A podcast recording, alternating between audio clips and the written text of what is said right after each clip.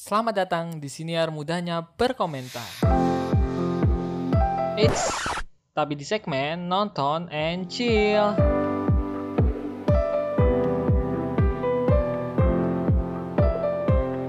Oke, jadi kembali lagi sama aku ya Helmi di segmen nonton and chill episode ketiga.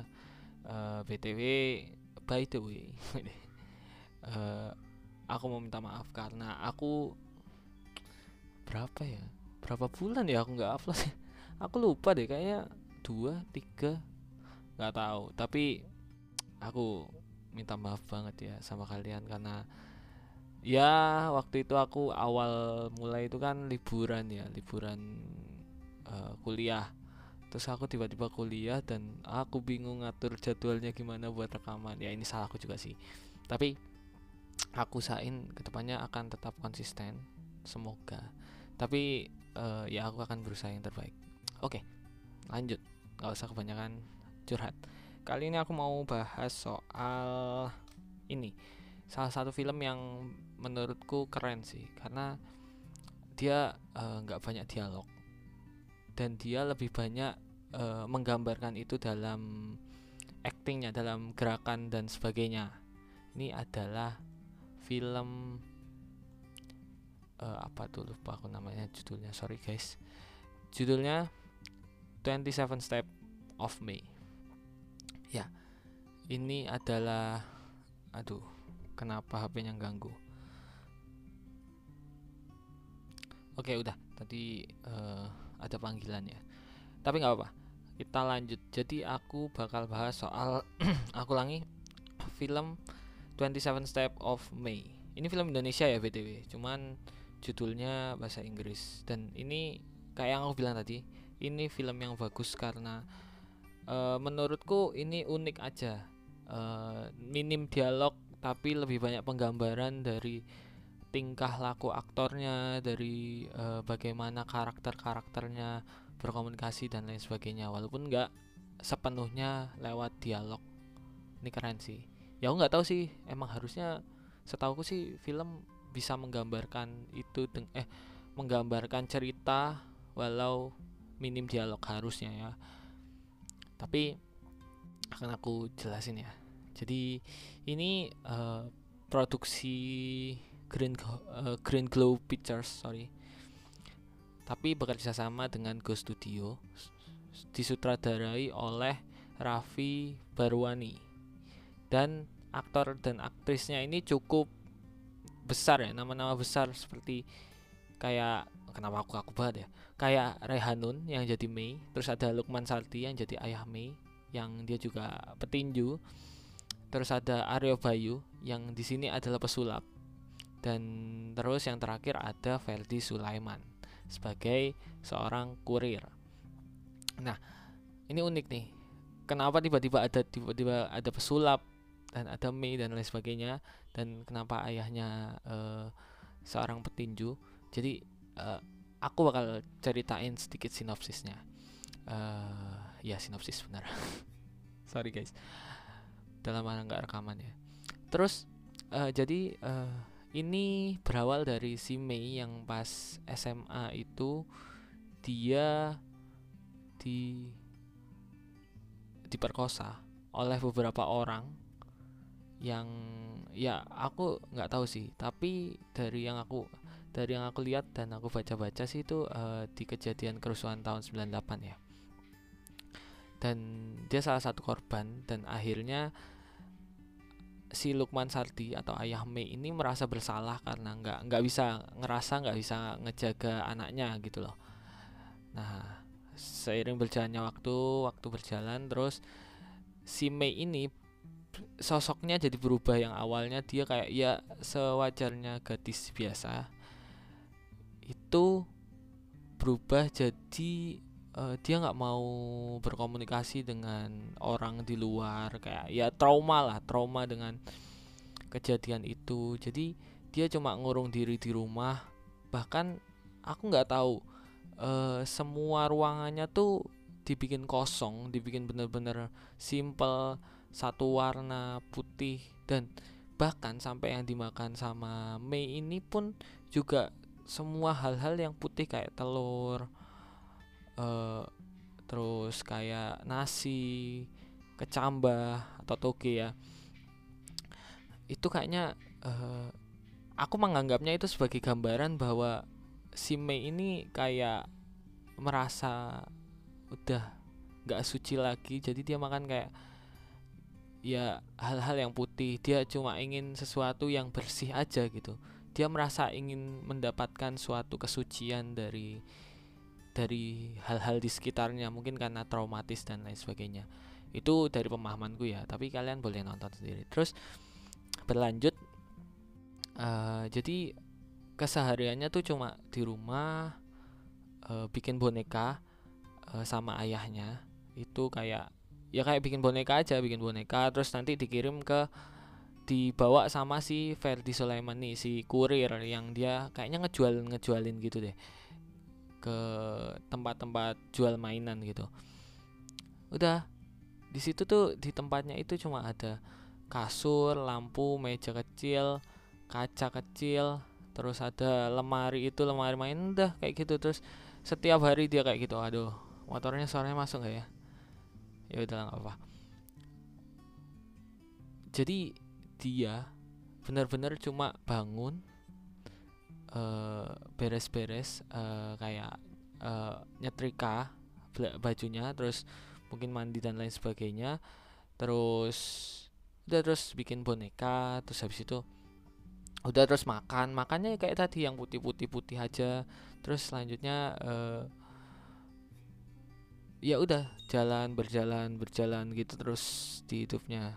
Sedangkan e, di satu sisi ayahnya juga merasa bersalah karena ngerasa nggak bisa ngejaga si Mei ini dan akhirnya dia ngelampiasin ke tinju ke pertarungan. Awalnya pertarungannya legal tapi karena dia terlalu brutal karena dia selalu kebawa emosi kalau bertarung jadinya dia dipecat dari agensinya. Agensi nggak sih itu? Ya pokoknya dia udah nggak kerja sama lagi sama manajernya. Akhirnya dia malah ikut ke uh, pertarungan bawah tanah atau underground gitulah yang nggak legal ilegal lah yang ya mati nggak mati ya udahlah ya. Terus cerita mulai menarik tuh waktu hmm, jadi pesulap ini si Aryo Bayu ini itu tinggal di sebelah rumahnya si si Mei ini. Persis di samping kamarnya Mei itu itu studio sulapnya. Jadi entah bagaimana si Aryo Bayu ini mulai uh, ngelubangin temboknya. Pertama lubanginnya kecil buat nunjukin uh, adanya dia gitu kayak biar si Mei ini penasaran. Terus akhirnya lubangnya tambah besar. Terus dia ngasih sulap-sulap kecil awalnya dikasih sulap simpel tangannya doang yang kelihatan dan lain sebagainya. Terus makin lama makin besar uh, lubangnya karena uh, apa karena Mei semakin penasaran. Terus habis itu pada suatu ketika uh, dia pengen minta bantuan si Mei buat nyolokin si kabelnya itu karena lubangnya udah makin besar dan pertunjukannya juga makin uh, berma uh, beragam ya si pesulapnya ini. Terus Mei itu mau dan anehnya Mei itu mau untuk dan mulai mau bantu gitu loh. Nah setelah yang uh, nyolokin itu itu si pesulap itu ngelakuin uh, sulap yang bahaya. Yang hampir membuat dia mati sepertinya ya kan? Tapi dia minta bantuan si Mei dan Mei dengan uh, aku nggak tahu. Dengan tidak sadar tuh dia tiba-tiba bantu. Kayak dia udah ngerasa uh, aku ingin membantu si pesulap ini jadi dibantu gitu loh. Ya tapi dengan dengan itu ya yang aku bilang tadi kan ini minim dialog jadi itu cuma kayak ya udahlah kayak acting actingnya gitu terus uh, setelah itu tuh makin lama makin lama makin lama uh, si Mei ini ada perkembangan. Dia dilihat dari bonekanya. Bonekanya tuh dibikin kayak pesulap yang sering ngasih dia atraksi. Nah si pelu uh, si bapaknya udah mulai seneng. Kayak uh, yang awalnya dia dikasih tahu sama si kurirnya bahwa udahlah itu kan bukan salahmu itu ya semua ya ya udah emang kecelakaan dan nggak tahu bakal terjadi kayak gitu. Tapi bapaknya tuh ngeyel terus sampai si kurir nih udah sampai manggil dukun dan lain sebagainya biar kayak pengusir bala. Tapi bapaknya tuh tetap ngeyel. Sampai di situ itu tadi si Mei bikin boneka uh, tentang pesulap itu yang kayak menandakan bahwa ada perubahan nih. Terus si Mei juga udah mulai uh, makan yang yang lainnya selain yang putih-putih. Itu pas uh, apa tuh pas ayahnya tuh masuk penjara gara-gara kayaknya gara-gara ketahuan deh. Aku, aku agak lama deh udah agak lama nonton ini tapi kayak masuk penjara karena pertarungan ilegal terus akhirnya si Mei si Mei tapi bukan karena terpaksa sih sebenarnya karena dia emang pengen udah mulai pengen makan yang lain-lain. Jadi dia udah mulai untuk hidup normal lagi gitu. Nah itu uh, di situ ayahnya seneng banget kan kayak akhirnya semua rumahnya dirapiin terus uh, terasnya itu yang awalnya berantakan dirapiin dikasih lampu-lampu. Ya itu bikin seneng sih si bahkan bikin seneng si kurirnya karena itu kayak udah udah deket banget kayak temen gitu. Sama ayahnya Mei. Sampai akhirnya pada suatu ketika ada kesalahpahaman antara Mei sama si pesulap ini. Dikiranya mungkin karena ini ya karena si Mei itu punya trauma jadi setiap dipegang sama cowok itu pasti traumanya muncul lagi. Nah itu tuh pesulap cuma pengen berusaha buat baik sih ke si Mei kayak apa ya waktu itu ya megang tangan atau apa lupa aku. Tapi kena sentuhannya si pesulap akhirnya Mei kayak uh, kayak teriak kayak ya dia trauma lah akhirnya teriak-teriak dan akhirnya bapaknya bapaknya si Mei datang mukulin si pesulap. Nah, akhirnya pesulap balik karena habis dipukulin dan itu karena Mei juga udah bilang stop ya jadi pesulap balik dan akhirnya ya ya udah kayak ya udah seperti awal lagi yang Mei diem aja Mei balik makan yang putih-putih aja dan lain sebagainya. Bapaknya mulai stres lagi. Sampai pada akhirnya si Mei mau buat ngeliat si pesulap lagi. Akhirnya dia nerangin uh, si pesulap dengan gerakan-gerakan uh, tubuhnya yang kayak menganggap bahwa aku tuh pernah loh seperti kayak di uh, apa tuh namanya diperkosa disiksa sama cowok-cowok. Makanya dia jadi kayak gitu sampai akhirnya si Mei nyaman sama si pesulap. Sampai si akhirnya pesulap juga tahu bahwa oh ternyata kayak gini ternyata kayak gini. Sampai akhirnya si Mei mau ngomong lagi dan akhirnya Mei mau keluar dari rumah dan tidak uh, mengurung diri lagi di rumah. Ya kayak gitu kira-kira kalau aku ceritain ya. Singkatnya emang sinopsisnya nggak terlalu rapi tapi ya kayak gitulah. Biar agak santai gitu kalian ngedengerinnya. Terus experience waktu nonton film ini apa ya menarik sih. Selalu menarik di setiap scene karena kayak apalagi nih yang bakal pesulapnya bikin apalagi nih apalagi nih apalagi nih kayak walaupun ini minim dialog tapi tuh kayak penuh gitu loh. Kita nontonnya tuh kayak nggak bosen. Di samping itu juga ada bapaknya yang pergelutan batin juga dengan dia uh, jadi petarung petarung bawah tanah. Dan ya gitu terus ada perubahan dari si Mei kita mulai seneng terus habis itu uh, akhirnya si pesulap ketahuan dan dipukulin. Kita jadi kayak lah kok gini? Karena Mei belum bisa lepas dari traumanya itu. Dia tuh kayak suka nyiksa diri gitu loh kalau trauma. Jadi kayak guys btw aku mau ngingetin mental health penting guys. Walaupun kita nggak bisa uh, eh, self diagnose ya tapi uh, itu penting. Itu penting sama seperti kita kalau sakit fisik itu aku baru menyadari beberapa tahun ini. Walaupun bukan aku ya yang walaupun aku ngerasa aku sih normal tapi aku nggak tahu juga sih. Tapi uh, ada beberapa hal yang menyadarkanku soal itu gitu. Terus uh, kita jadi bahas mental health malah itu kan harusnya sesi yang lain kan ya.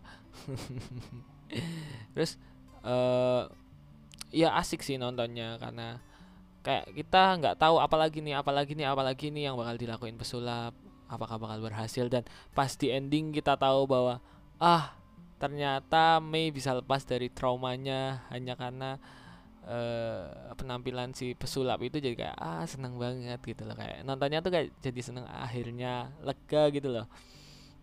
Itu sih experience pas nontonnya sih. Terus kayak uh, mungkin di awal tuh kayak keheningannya tuh kerasa banget karena kok jadi gitu sih penekannya kayak kerasa banget gitu loh kayak apa tuh namanya mainnya di mana dia yang mengasingkan diri yang kayak semua ruangannya kosong gitu kayak sepi kosong bener-bener kosong gitu. Bahkan sama ayahnya juga nggak ngobrol. Itu kayak kerasa banget kayak sunyi banget gitu. Itu agak nggak enak sih sebenarnya tapi semakin lama semakin lama semakin ada perubahan progresnya akhirnya sih berakhir dengan sangat menyenangkan. Experience-nya uh, cukup unik karena nggak banyak film yang kayak gini juga sih di Indonesia ya terutama ya. Kebanyakan kalau di Indonesia kan pasti banyak lebih banyak dialog dan lain sebagainya. Tapi ini ini keren sih. Nggak banyak aktor bukan nggak banyak aktor sih tapi aktor utamanya tuh eh, nggak uh, terlalu banyak. Jadi fokus kita tuh nggak kepecah terlalu banyak juga gitu loh berfokus pada itu aja satu masalah itu. Itu sih mungkin experience-nya tuh kayak bikin penasaran dan unik unik sih unik.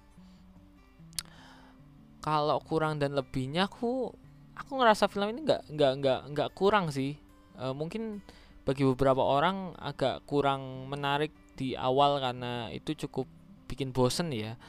E, dengan melihat Mei yang kayak gitu tanpa dialog. Tapi setelah muncul si pesulap itu itu bener-bener kayak akhirnya tuh kayak progresnya tuh berjalan gitu loh. Tapi aku nggak tahu sih ini kekurangan atau kelemahan. Tapi harusnya ya kalian kalau nonton ini harus sampai akhir sih. Biar kalian ngerasa lega bener sih. Aku ngerasa nggak ada kurangnya sih dari sinematografinya bagus musiknya bagus uh, actingnya bagus banget dah nggak dipungkiri lagi pemain-pemainnya. Aktor-aktornya aktor-aktor ternama semua. Bagus udah bagus. Cuman mungkin ini kayak aku nggak tahu ya dari beberapa referensi yang aku baca sih ini kayaknya film-film model film festival. Jadi memang agak berat sih kalau buat penonton umum. Tapi harusnya sih enggak juga sih. Karena semuanya tuh udah tergambarkan di situ gitu loh kayak uh, semua hal yang perlu diceritakan tuh udah tergambar di situ walaupun nggak banyak dialog. Jadi ya harusnya ini asik sih nyantai lah. Oh nggak nyantai sih. Ya nyantai sih sebenarnya. Aku nggak tahu deh. Tapi harusnya ini uh, cukup bisa dinikmati lah. Walaupun untuk penonton awam. Itu sih. Ini bagus sih. Kalau buat nilainya skor hmm, mungkin berapa ya? 8 per 10 8,5 per 10 8,5 per 10 lah. Ini bagus ini film yang bagus recommended buat kalian tonton. Kalian bisa nonton di Netflix. Kalian harus nonton sekarang ya kan? Pokoknya itu kalian harus nonton. Jadi itu aja. Tunggu episode-episode berikutnya. Kenapa tunggu episode berikutnya? Ya pokoknya itu aja intinya. Kita ketemu lagi di next time, eh ketemu lagi di next episode dan tetap nonton and chill. Terima kasih.